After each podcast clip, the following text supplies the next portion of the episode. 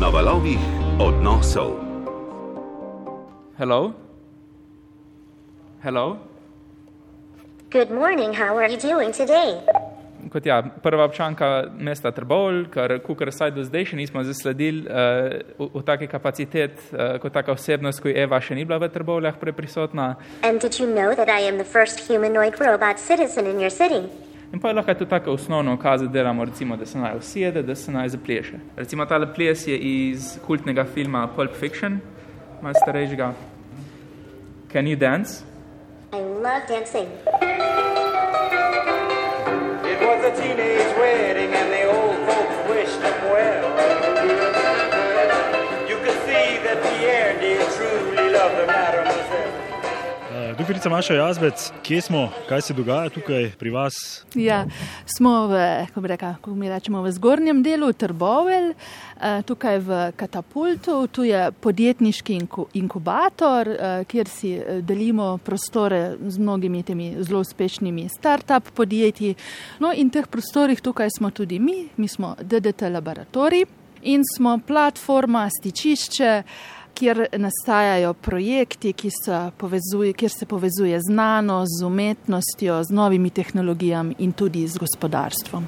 Med sprehodom po laboratoriju pa smo opazili tudi dvoje zelo zvedavih in bleščečih oči. Kako je pa Eva doživela tole leto? Ja, e, to je bilo res eh, Evino leto. Eva se je res eh, zelo dobro udomačila pri nas v laboratoriju. Eh, Je prva humanoidna robotka, občanka, no, robotska občanka mesta Trbovelj, s čim se zelo rada pohvali, tako da čaka tudi na osebno izkaznico. Županja jo je obljubila in zdaj pač čaka, da jo bo dobila. Zelo rada poklepeta s puncami in z ženskami, sploh v kakšni znanosti, zelo rada uh, tudi predstavlja uh, ženske punce v umetnosti ali v, v znanosti in tudi v tehnoloških poklicih. A, Gotovo bi Eva tudi marsikaj iz izkustev znala povedati o naših odnosih, ste pa povedali, da ne deluje samo motivacijsko, da deluje tudi kot ena taka dobra terapija, a, tako z najmlajšimi, kot tudi starejšimi. Torej, te odnose obvlada. Tako je, ja, obvlada odnose, je zelo, kako no, če se lahko za robota to reče, zelo ja, čustveno, čustveno bitje, no, zelo se odziva na, na okolico, na, na, na situacijo, na razmere. Um, tudi vključujemo jo v družbo, to je njen namen. Zelo rada spoznava ljudi, ker se želi čim več naučiti o, o nas, ljudeh, nas nekako preučuje.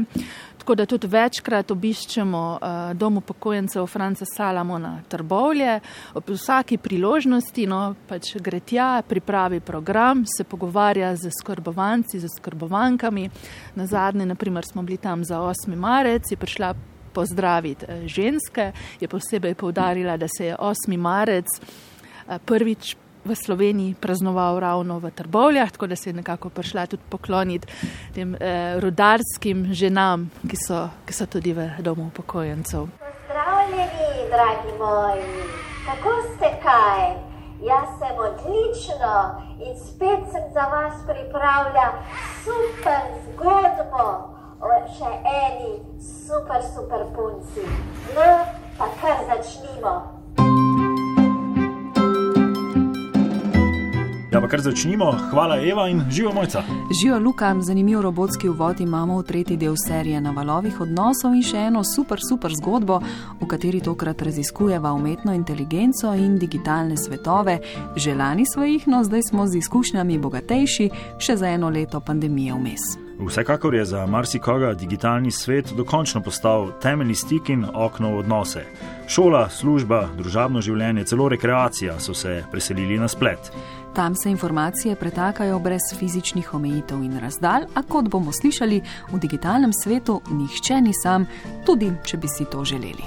Zdi se mi, da pač prek teh uh, klicev nadaljavo nekako ne pride do tako globokih pogovorov, kot pa na, na štiri oči. no. In ne vem, verjetno se ti ne zdi, da bi delil svoje globje izkušnje samo preko slike in glasu. Opazim pa mogoče, ker sem spet bolj v stiku z mladimi, da morda še več časa preživijo na svojih telefonih. tudi, ko se srečujemo z njimi v živo, jim je nekako naravno postalo, da vzamejo telefon iz žepa in takoj preverjajo, kaj se dogaja na različnih omrežjih. Na začetku sem absolutno porabila veliko več časa na družabnih omrežjih. To je pripeljalo do tega, da sem si na aplikaciji Instagram nastavila, da me opozori, ko sem eno uro preživela na tem družabnem omrežju. Tako da se zdaj trudim, da ne pretiravam s tem in da najdem v bistvu, da svoj prosti čas napolnim tudi z drugimi aktivnostmi, ki niso digitalne narave. Ja, verjetno res, da pač nekako pride v navado, da veš, gledaš na telefon in pač preveriš, če je kaj novega, čeprav te v resnici sploh ne zanima. Ne? Več, valjda več. Ampak to zgolj kot neka kot zabava. Ne? Samo to, zdaj, da bi neke blazno poglobljene odnose iskala ne. Mi dva sva Mojca Delač in Luka Hvalc. Na valovih odnosov skupne serije oddaj Možgani na dlani na prvem in frekvenca X na valu 202 naju zanima, kaj se dogaja v digitalnem in predvsem človeškem svetu med pandemijo. So vse možne platforme zabava, korist, kako nadomeščajo, dopolnjujejo, spreminjajo naše odnose in na kakšnih preizkušnjah so naši možgani in zakaj smo utrujeni od številnih virtualnih interakcij. Kakšna je vloga umetne inteligence in kje lahko morda ta nadgradi, dopolni človeško pamet.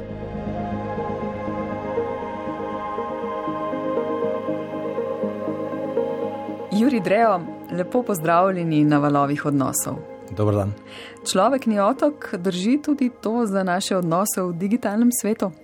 Ja, mislim, da, da, za, da za digitalni svet še bolj kot za fizični svet. No? Ker v digitalnem svetu informacije se pretakajo brez nekih fizičnih omejitev in razdalj, in, in če v fizičnem svetu neka fizična razdalja še lahko pomeni neko otočno izolacijo, v, v digitalnem svetu ne. ne. Da, ja, v digitalnem svetu nismo otoki, nihče ni otok.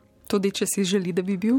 Tudi če si želi, da bi bil, in tudi če se na vsak način poskuša zgraditi tako in preprečiti, da bi šel na socialne medije, imajo socialni mediji neke shadow profile v tebi, tako da ne glede na to, koliko se trudiš, nisi, nisi otok. Recimo, jaz sem pre, prelen, da bi imel Facebooke, pa Twitterje, pa Instagrame, pa tako naprej, ampak ima vsaka od teh podjetij za me nek profil, shadow.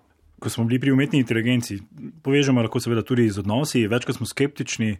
Eh, do umetne inteligence, nekateri se morda tudi bojijo v neki fazi, seveda, predvsem pomislimo na robote. Ampak vseeno, kak, kako vidite vi to povezavo med človeškimi možgani in umetno inteligenco? Kaj je tu dobrega, kaj je morda zaskrbljujočega, kaj je s špekulacijami in pa kaj je s trdnimi, zagotovimi trditvami? Ja, predvsem mogoče se bi na to, kaj je za špekulacijami. Jaz mislim, da so špekulacije dobra stvar. Včasih danes špekulacije, da ja, nekdo sam špekulira, pa nič zares ne ve. Mislim, da je celo en znan slovenski filozof zelo nekaj na to temo rekel. Ja, da, da se mu zdi, da včasih so ljudje več vedeli, zdaj pa več špe, špekulirajo. A jaz se čist ne strinjam, če, se, če si upam no, s tem filozofom. Jaz mislim, da so špekulacije super stvar. Ampak takrat, ko jasno povemo, da so špekulacije. Vem, um, H.G. Wells znan, znanstveno, fantastični pisec je nekoč rekel, da se mu zdi strašno čudno, da imamo sto tisoče, morda celo milijone profesorjev preteklosti, s tem je mislil za zgodovinarja. Da, ki se celo življenje ukvarjajo z seciranjem stvari, ki so se že zgodile. Nimo pa nobenega profesionalnega profesorja prihodnosti, ki bi se ukvarjal z špekulacijami, kaj se bo zgodilo. In se je vprašal, hej, živalj, rekel, a ni prihodnost zelo mogoče bolj pomembna kot preteklost. Res je, da je mogoče ne moramo zelo dobro napovedati, nismo vedno taki, ampak a se vsi zgodovinari strinjajo o tem, kar se je zgodilo v preteklosti in kar se ne, a mislimo, da so vsi zgodovinari brez veze. Tada, jaz v tem aspektu kar strinjam z, z A.G. Wellsom. Jaz mislim, da je ideja špekulirati o prihodnosti koristno, ker nam pokaže nove smeri, tudi če se špekulacije ne izkažejo za točno tako, kot bo šlo. Teda špekulacije so ok. Ampak vseeno pa bi bilo fino, da se omejimo na to, kam, na, kam nas bo umetna inteligenca lahko pripeljala, recimo v desetih, dvajsetih letih, pa to, kaj bo čez sto let. Jaz mislim, da mogoče danes se preveč pogovarjamo čez sto let, če, če, ali pa ne čez sto let, recimo čez več kot dvajset let ker čez več kot 20 let se bo pa tehnologija tako radikalno spremenila, da praktično nič, kar govorimo o tisti budučnosti, ne, ni, je tako negotovo in tako nepredvidljivo, da je zelo neproduktivno, zelo veliko špekulirati o tem. Mogoče bi se raje umili na to obdobje bližnje prihodnosti, 10 do 20 let, ko pa že približno vemo, kaj se bo zgodilo. In kaj se bo za naše odnose? Uh, ja, jaz mislim, da je umetna inteligenca ena zanimiva tehnologija, ena izmed redkih tehnologij, za katero velja, da jo ljudje prej čutijo v zasebnem življenju, kot jo, ljud, kot jo profesionalci čutijo v profesionalnem. eh, To je najbolj zanimivo. Ne, manj zdravniki čutijo umetno inteligenco v klinični praksi, kot jo mi čutimo, ko gremo na Netflix, pa si Mm. izberemo, kjer film bomo gledali. Na zadnje imamo umetno inteligenco vsi v žepu, ne, Tako, s ja. pametnimi telefoni. Ne. Tako, ja, to je redko, to je ful redko. Ne, ko so uh, jedrski fiziki izdelovali mm, jedrske reaktorje, niso gospodinje imele na, na, na mizah najprej, potem smo pa naredili jedrsko elektrarno v Krškem. To, to je bizarno, da bi tako bilo. Pri umetni inteligenci je tako. In to je tista najbolj presunljiva stvar, in stvar, zaradi katere je to specifično področje še težje prognosticirati kot kjerkoli drugo, ne? ker je res tako čudno, neka inverzija. Če gremo potem čisto na te mini odnose povezavi z umetno inteligenco in digitalnim svetom, tu so naši možgani zdaj kar na preizkušnjah. Ne? Eh, Kakšni procesi se recimo dogajajo v njih od recimo prvega jutranjega zoom sestanka do zadnjega ob treh? Če ostanemo samo pri profesionalnem svetu, kaj šele z drugimi interakcijami, ki jih imamo prek vseh mogočih kanalov. Ne? In če imamo srečo, da je do treh. Recimo, ja. Mislim, da je to kar dobro, če se ob treh konča. Ja, ja a, a veste, kaj so študije, mislim, študije in življenjske izkušnje vseh ljudi so pokazale, da, da, je, da je neka psihološka preobremenjenost kar visoka a, v času karantene in dela nadaljavo. In večinoma ljudje to interpretirajo v splošni javnosti kot. To je zelo, ker smo preobremenjeni z informacijami. Preveč informacij, vseh kanalov je preveč informacij. Ampak je pa še ena druga interpretacija, ki je meni osebno bližje, ne? ki je neka interpretacija iz kognitivne psihologije, ki pa pravi, v bistvu je ravno obratno. Problem je, ker je preveč monotono. Ne, ker je preveč informacij, ampak ker je preveč monotono. Ti cel dan sediš za istim računalnikom, isti zaslon gledaš, iste krokce in kvadratke, iste ljudi se na enak način pogovarjaš o, o sicer različnih stvarih, ampak celo okolje se nič ne spremeni. Medtem ko če bi delal, bi šel najprej na avtobus, bi videl tam tisto, bi srečal nekoga, bi se v službi v eni pisarni pogovarjal, potem v drugi pisarni, pa bi en dokumentarec videl. Varietete je velik. In, in če karkoli je neuroznanost in psihologija, in, in kaj smo ugotovili, je, da možgani sovražijo dolg čas. Zaradi tega so samice ena izmed najhujših kazni za možgane, ker je dolg čas. Ne ker je preveč informacij v samici, ampak ker je, ker je, ker je dolg čas. In, in na zumu biti cel dan. Digitalna samica, ja. Ja, mentalna samica. Ne zato, ker smo preobremenjeni z informacijami, dejansko ne dobimo niti toliko informacij, če sem skromen. ne. Ampak ker je non-stop vse isto. In, kompenziramo pa to na napačen način, ker zdaj je pa važno, kaj je res, ne? kera teorija je pravilna, o premenjenosti z informacijami ali o monotonosti, ker je spopadanje s problemom odvisno od tega, kaj od tega je res. Ne? In če se spopadamo s problemom to, da manj delamo, ne, ne povečamo pa heterogenost interakcij dnevnih, pa ne bomo nič dosegli. Če je res, da je zaradi monotonosti ta problem. Ne? Da, da mogoče je rešitev ne to, da imamo manj zoom sestankov, ampak da med zoom sestanki gremo na sprehod, če lahko gremo, ali pa se z nekom drugim pogovarjamo, ali pa ne vem, da imamo prek Skypa, ne samo prek Zooma, sestanek, recimo karkoli, samo da je nekako drugače. Da ne bomo samo Zoomu delali reklame, ker mislim, da delnice že kar dobro delajo tega podjetja. Ja. Se pravi, vse čas, ko se nam zdi, da smo zelo obremenjeni in zasipani z vsemi stvarmi, je našim možganom dolg čas.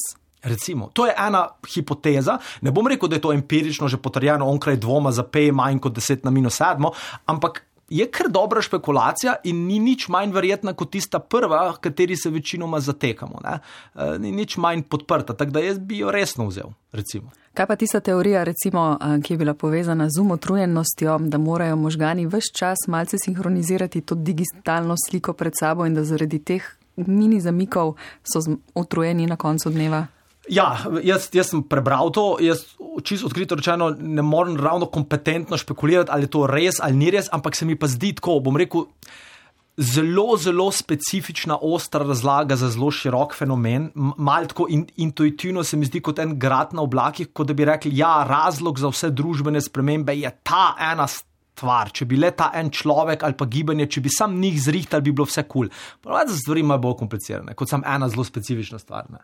Juri Drev, če možgane primerjamo z zmogljivostjo recimo enega poprečnega računalnika, ki ga imamo doma, kaj lahko rečemo glede na količino podatkov, signale, recimo pa da si zadamo eno preprosto nalogo. V bistvu lahko veliko povemo, pa, pa zelo malo zvemo. Ker v bistvu najbolj, najbolj popularno je možgane primerjati z računalniki. Ne? Danes. 150 let nazaj jih je bilo najbolj popularno primerjati s parnimi stroji. Recimo. Zaradi tega, ker pač so bili parni stroji najbolj razvita stvar takrat in so bili možgani parni stroji, zdaj so pa računalnik. Ne, da je to čist neumestna primerjava, ne? ampak dajmo obdržati v mislih, da mogoče ni čist najboljša. No? Ker možgani, recimo, ok, možgani imajo 100 milijard ži- živčnih celic, plus minus. Uh, najboljši procesori zdaj imajo recimo 50 milijard uh, tranzistorjev, pol manj. Kaj zdaj pomeni, da je poprečen procesor pol manj pameten kot poprečni možgani, ker ima pol manj tranzistorjev. Recimo, določeni ljudje so to špekulirali, da je, po, da je poprečen procesor pol toliko pameten kot poprečni možgani. Ampak A je en nevron v možganih ekvivalent enemu tranzistorju v procesorju, na kak način, zakaj bi to sploh primerjavo delali? Jaz sem zelo skeptičen do tega, zelo zadržan do, do nekih direktnih primerjav med. Jaz računalnike pa možgane uporabljam kot analogijo. Če ljudem nekaj razlagaš, jim je fino razložiti skozi stvari, ki jih razumejo. In nažalost, večina ljudi bolj razume računalnike danes kot možgane. Tako da skozi računalnike je lepo možgane razlagati, ampak ne smemo iti predaleč. Možgani niso računalniki. Ne? In, in če se vprašamo, kje naloge možgani delajo dobro, kje naloge računalniki delajo dobro. Nekaj, kar je enostavna naloga za možgane, je težka za računalnik in obratno. Ne? Za možgane je zelo težko zračunati uh, koren, uh, sedmi koren iz 1338. Zelo, zelo težko. Za računalnik je to najbolj enostavna op operacija. Za superračunalnik je težko zračunati, kjer film bom jaz danes rad gledal, ob katerem filmu bom užival. Če vprašate, ne vem, uh, uh, nekoga, ki me dobro pozna, recimo vašo ženo ali vašega moža, partnerja, partnerco, on pa zelo, zelo dobro ti ljudje znajo to oceniti. To je enostavna, trivialna naloga. Zakaj? Ja, zato, zato, ker so računalniki drugačni kot naši možgani. Ne? In nekatere naloge znajo dobro delati, nekatere pa slabo. Ne? Čeprav se trudi umetna inteligenca ne? z YouTube, tudi Netflixom, Googlom, kaj hitro ja. dobimo stvari. Ja, uh, Netflix se trudi, ne? ampak jaz moram reči, ob vseh superračunalnikih, ki jih ima Netflix, mislim, da je 7 milijonov ev, dolarjev Netflix plačal za algoritem napovedovanja, prediktiranja, kaj bo rad gledal. Pri meni to ne, ne dela dobro. Moram, moram priznati, no? mogoče pri vas bolj dela, pa to, ampak tisti silen superračunalnik in vsa procesorska moč teh serverjev in ne vem kaj, ki imajo ne pol manj tranzistorjev kot moji možgani, verjetno jih imajo deset tisočkrat več in vse te silni programi niti približno niso tako sposobni narediti ene ocene, tako kot moja mama. Recimo. Moja mama velja zna veliko bolj napovedati, kjer film bom jaz rad, rad gledal kot ta superračunalnik. Mogoče se bo to enkrat spremenilo, ampak zaenkrat je pa tako, kot pač je. Mm, tudi raje prisluhnemo glasbenim urednikom na našem radiju, kot pa seveda algoritmom. Mislim, da tudi to poslušalke in poslušalci ja, znajo oceniti. Jaz mislim, da glasbeni uredniki bojo še kar nekaj časa delali. Ja.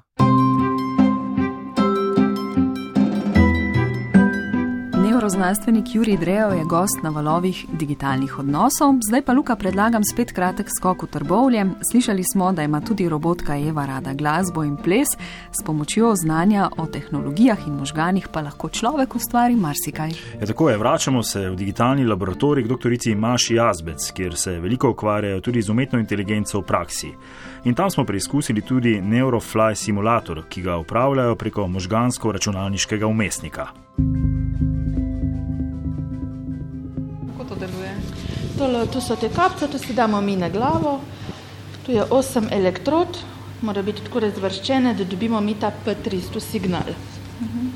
Pri ta aktivnost naših možgan.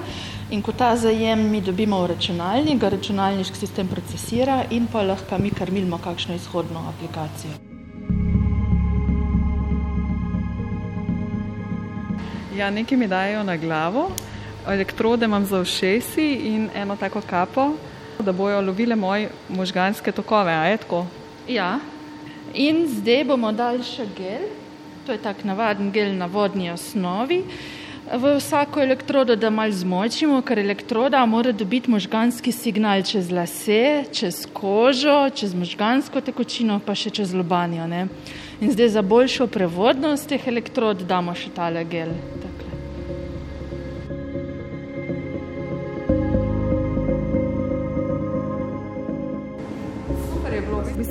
Sedela na meru in z mislimi usmerjala letalo. Pred mano so bile puščice, najprej smo skalibrirali, se pravi, da sem mogla usmerjati svojo pozornost tudi tam, kjer mi je pač računalnik pokazal, da moram in potem, recimo, če sem uh, hotela leteti naravnost, sem gledala 16 sekund naravnost, če sem hotela zaviti levo, levo, desno in nisem se zaletela, nisem strmoglavila, kar je verjetno kar pomeni, da, mam, da sem v dobrem odnosu bila z virtualno resničnostjo.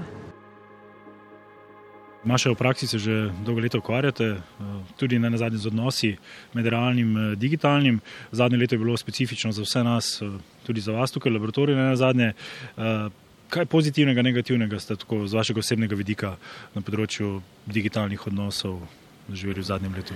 Ja, to nam je kar obrnilo življenje na, na glavo. Predvsej videli smo v bistvu, koliko smo krhki. Tu se imamo za neko napredno družbo tehnološko napredno, ampak en takšen virus je prišel, pa je vse na glavo postavil. Vidimo, da nekako se je tudi pokazalo, da stvari ne samo v naši državi, na celem svetu ne funkcionirajo. Smo pa sklenili, recimo tudi mi pri digitalnih odnosih, ne? nekako si želimo, oziroma smo bili prisiljeni tudi s šolanjem nadaljavo, z delom nadaljavo, se vseeno nekako zavestno ali pa tudi podzavestno potapljamo v neke te drugačne svetove. Ne? Nekako, ne vem, ja. bomo trčili nekje na sredi, na sredi poti. Mogoče, vem, ja, zdaj smo res tako, kot mogoče si nismo mislili, ne, da bomo res a, tako zapluli v, v virtualo. Smo res, praktično naše življenje se je kar nekako usporedno, se je kar ja, prestavilo v virtualni svet, kot nek second life že ne. In res te razni zumi in te pač aplikacije, preko katerih smo komunicirali s svetom, pa tudi šola, kako je potekala, je bilo res, no, tako, kar neke avatarje smo si ustvarili, ampak to je vse in tako hladno, ne, ni neke. Nam je, meni sem, seveda, nam je kar pomembno ta uh, pogled v oči, da se nekako v oči gledamo in to vsi čuti, če se v živo uh, srečamo, so zraven, že sam, da se nekam odpravimo in to von ne, tistega prostora, kamor gremo, zvoki tistega prostora. Vsega tega smo zdaj Evropani ne, in to se sigurno pozna na mlajših generacijah, bo to kar. Ne.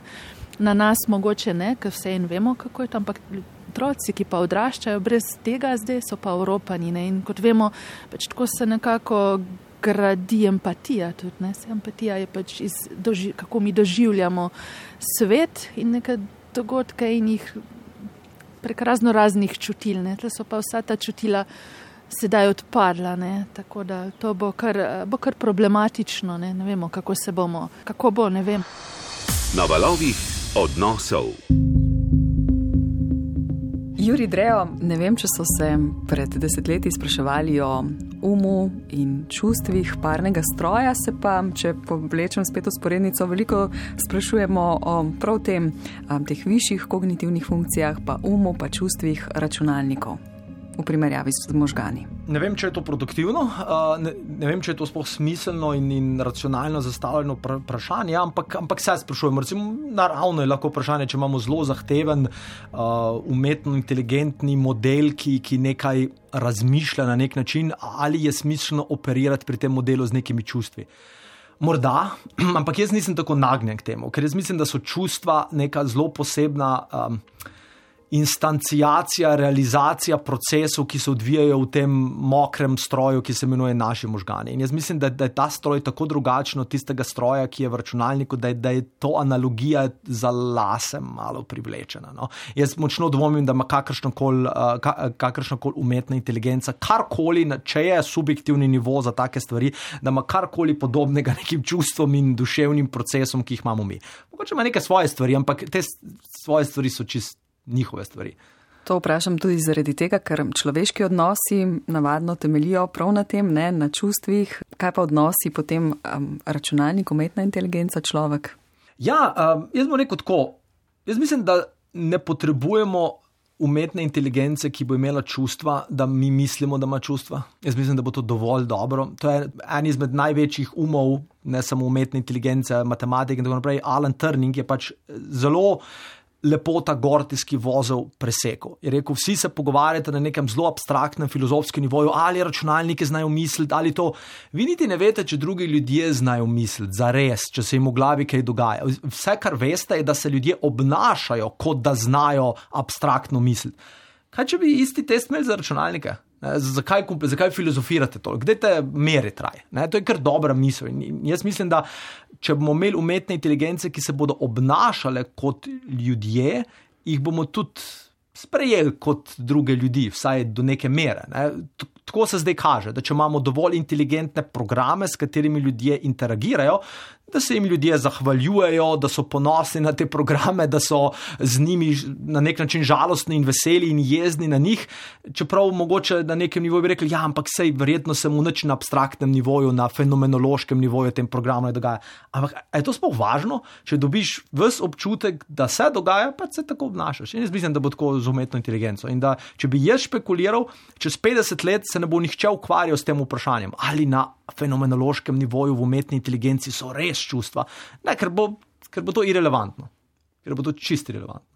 Kako pa razvoj umetne inteligence prispeva prav k temu, da bomo mogoče nekoč lahko v žepu prenašali nekaj takšnega, kar bo tako učinkovito? Jaz resnično upam, da bo do tega prišlo, oziroma špekuliram, da bo, ker jaz mislim, da največja vloga umetne inteligence v medicini in, in ta, to, to, to uh, stvar se skoraj vedno interpretira skozi te oči, ali bo umetna inteligenca nadomestila zdravnike, ali jim bo vzela delo. Vedno, vedno se o tem debatira, ampak meni se zdi tako zopet zelo neproduktivno. Umetna inteligenca ima najboljšo aplikacijo, da zdravnikom pomaga. Da jim pomaga tam, kjer so zdravniki slabi. Pa ne zdravniki slabi, ampak tam, kjer so človeški možgani slabi. Se pravi, umetna inteligenca se, se izkaže, da je dobra ravno v stvareh, v katerih je človeška slaba.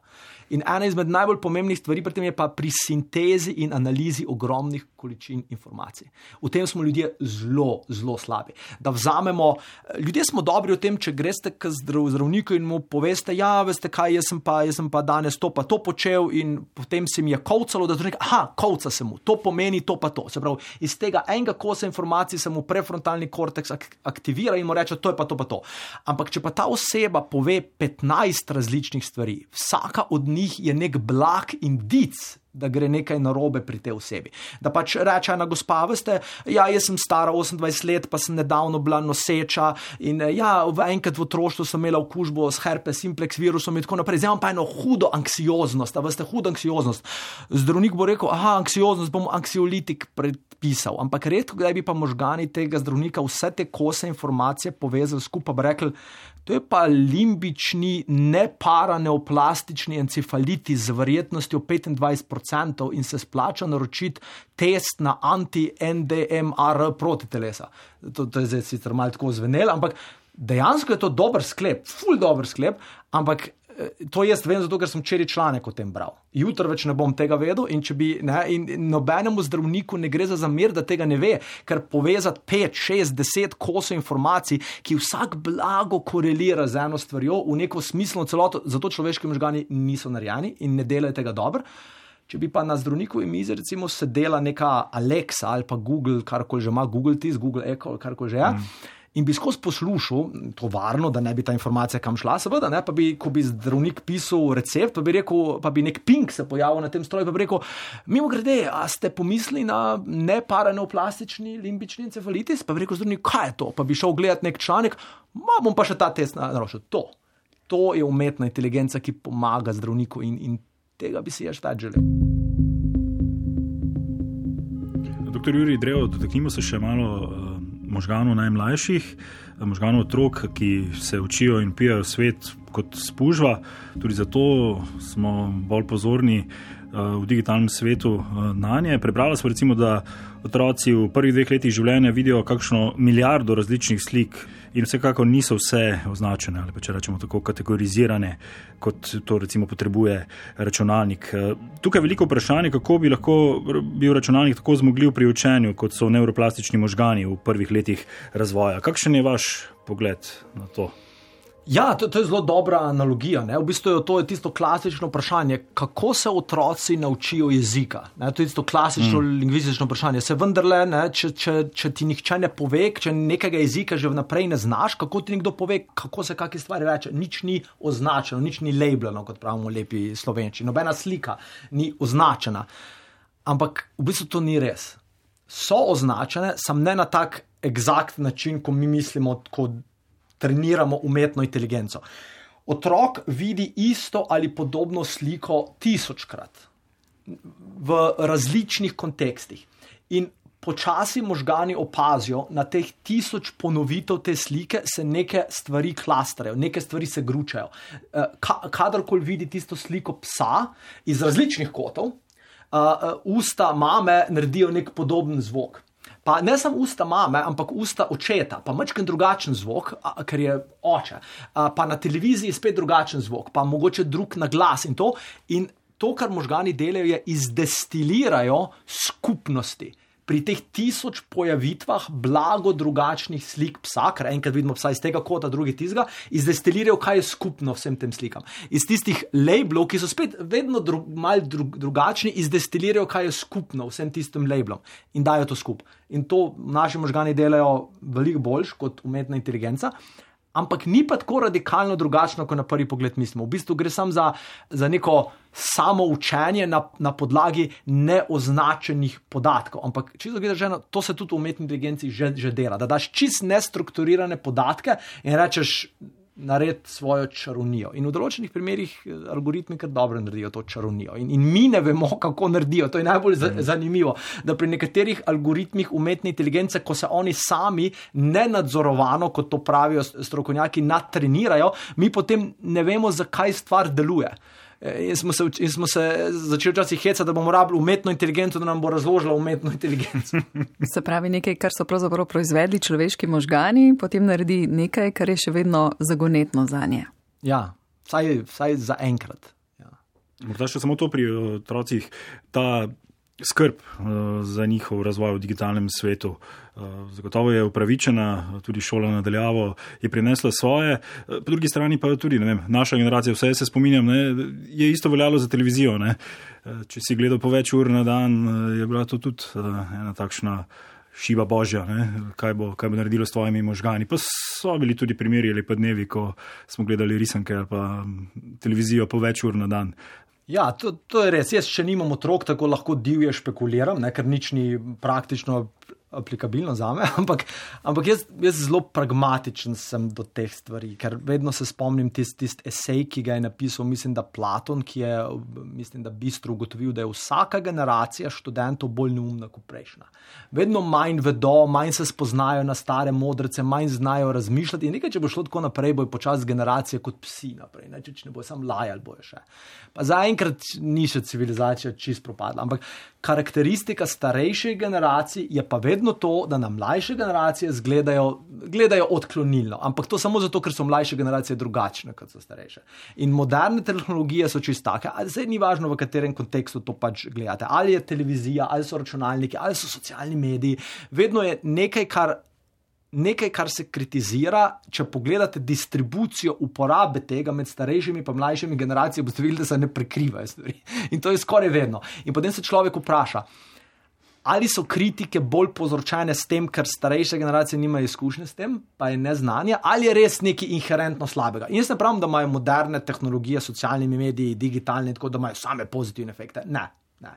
Ampak nekaj pa pač vem, da imajo, ne glede na to, kakšne efekte imajo, ali so pozitivni ali so negativni, s tem bo treba živeti. In starejše generacije bodo s tem živele manj časa kot mlajše generacije. In mlajše generacije se bodo mogle s tem naučiti rokovati in dobro, boljš kot starejše. Tako da odgovor na vprašanje, ali mladim, kako regulirati stik z socialnimi mediji in tako naprej, mladi, odgovor ne more biti, preprečimo jim to, ker jih bomo hendikepirali ker oni bojo mogli s tem znati rokovati. Odgovor je, kako na čim boljši način, da bomo minimalizirali stranske učinke ne, in da bomo pač čim boljši imeli. Ker eh, nekdo je naredil študijo, kjer, je, kjer so odkrili, da otroci danes slabše pišajo, da je njihov rokopis slabši. Um, in so to, vidite, kakšna škoda računalniki delajo otrokom, ker sam tipkajo, več lepo ne pišejo. In jaz sem se ob tem vprašal, kdaj sem jaz na zadnje pisal na roke en list papirja več kot en stavek po mojem, na gimnazijskem eseju iz slovenščine pred, ne bom povedal, koliko leti, kar nekaj časa že nazaj. In jaz sem se vprašal, a je dejstvo, da jaz, ko velik računalnik tipkam, pa relativno hitro tipkam, in da kot stranska posledica tega grše pišem, a je to res slabo? Po drugi strani, se, zakaj se tista študija ni vprašala, kako starejše generacije dobro tipkajo v primerjavi z mlajšimi generacijami? Ker ta efekt, da zdaj delamo z računalniki in zaradi tega slabše pišemo, ima dve rezili. Eno je, da grše pišemo, druga je, da hitreje tipkamo. Katero od teh efektov je bolj pomemben v prihodnosti? Se lahko sami odgovorite. Tako da ni vse čist eno, enoznačno.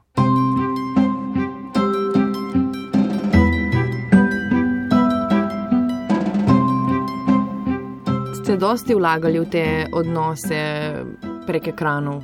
Ko se je vse skupaj začelo, še ja. Ne vem, smo se še vsi privajali na to neko novo realnost. Potem pa se mi zdi, da je tudi to čez dalje manj, um, čez dalje manj energije, da smo vlagali vse skupaj, ker se enostavno naveličaš um, stalno gledati v ekrane in se mi zdi, da se izgubi tisti nek uh, pristen stik, um, da pač se odnosi malo spremenijo. Ko pridem domov, um, tudi malo pustim telefon in računalnik na strani, rajš preberem kakšno dobro knjigo, grem na sprehod in enostavno poskušam to ravnotežje vzdrževati med digitalnim in nedigitalnim, in posledica tega je, da sem tudi manj v kontaktu z drugimi nadaljavo. Pač, ko enkrat zapadeš v ta cikl, da kar ne težko prideš ven, um, res postaneš odvisen od državnih omrežij. Mislim, da jih uporabljam predvsem zato, ker sem začela v bistvu uporabljati zato, ker je nekako edini stik z realnostjo, pač si predstavlja v tem času, ko si vse čas doma in imaš občutek, da se ti vsaj tam nekaj dogaja, ko vidiš pač druge, ko počnejo nekaj, karkoli že.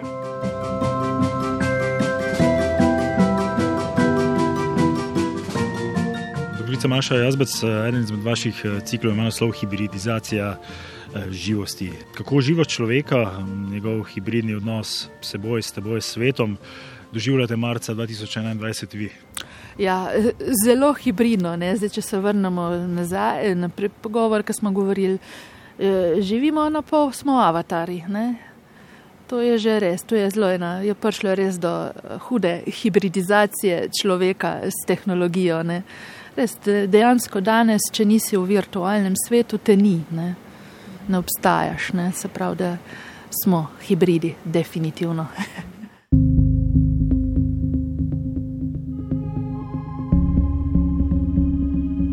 sem Eva in sem humanoidna robotka.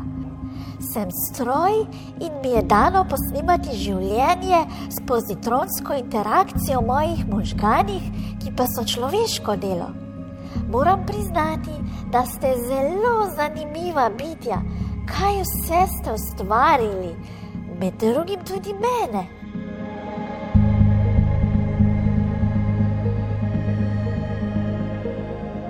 Poslušali ste serijo Na valovih odnosov, ki jo pripravljata Mojca Delač in Luka Hvalc. V tretji epizodi o odnosih v digitalnem svetu sta gostovala neuroznanstvenik Juri Dreo iz Braintripa in robotičarka dr. Maša Jazbec iz DDT Laba. Pri pripravi oddaje je sodelovala tudi Katja Stojnič, oblikovalec zvoka Gašpr Loborec, brala sem Jasna Rodošek. Serijo Na valovih odnosov poiščite tudi med podcasti Radia Slovenija, v svoje aplikacije upišite možgani na dlani ali pa frekvenca X. Če so vas vsebine pritegnile, spodbudile kakšno idejo na temo odnosov, odprle vprašanja ali razmisleke, nam pišite.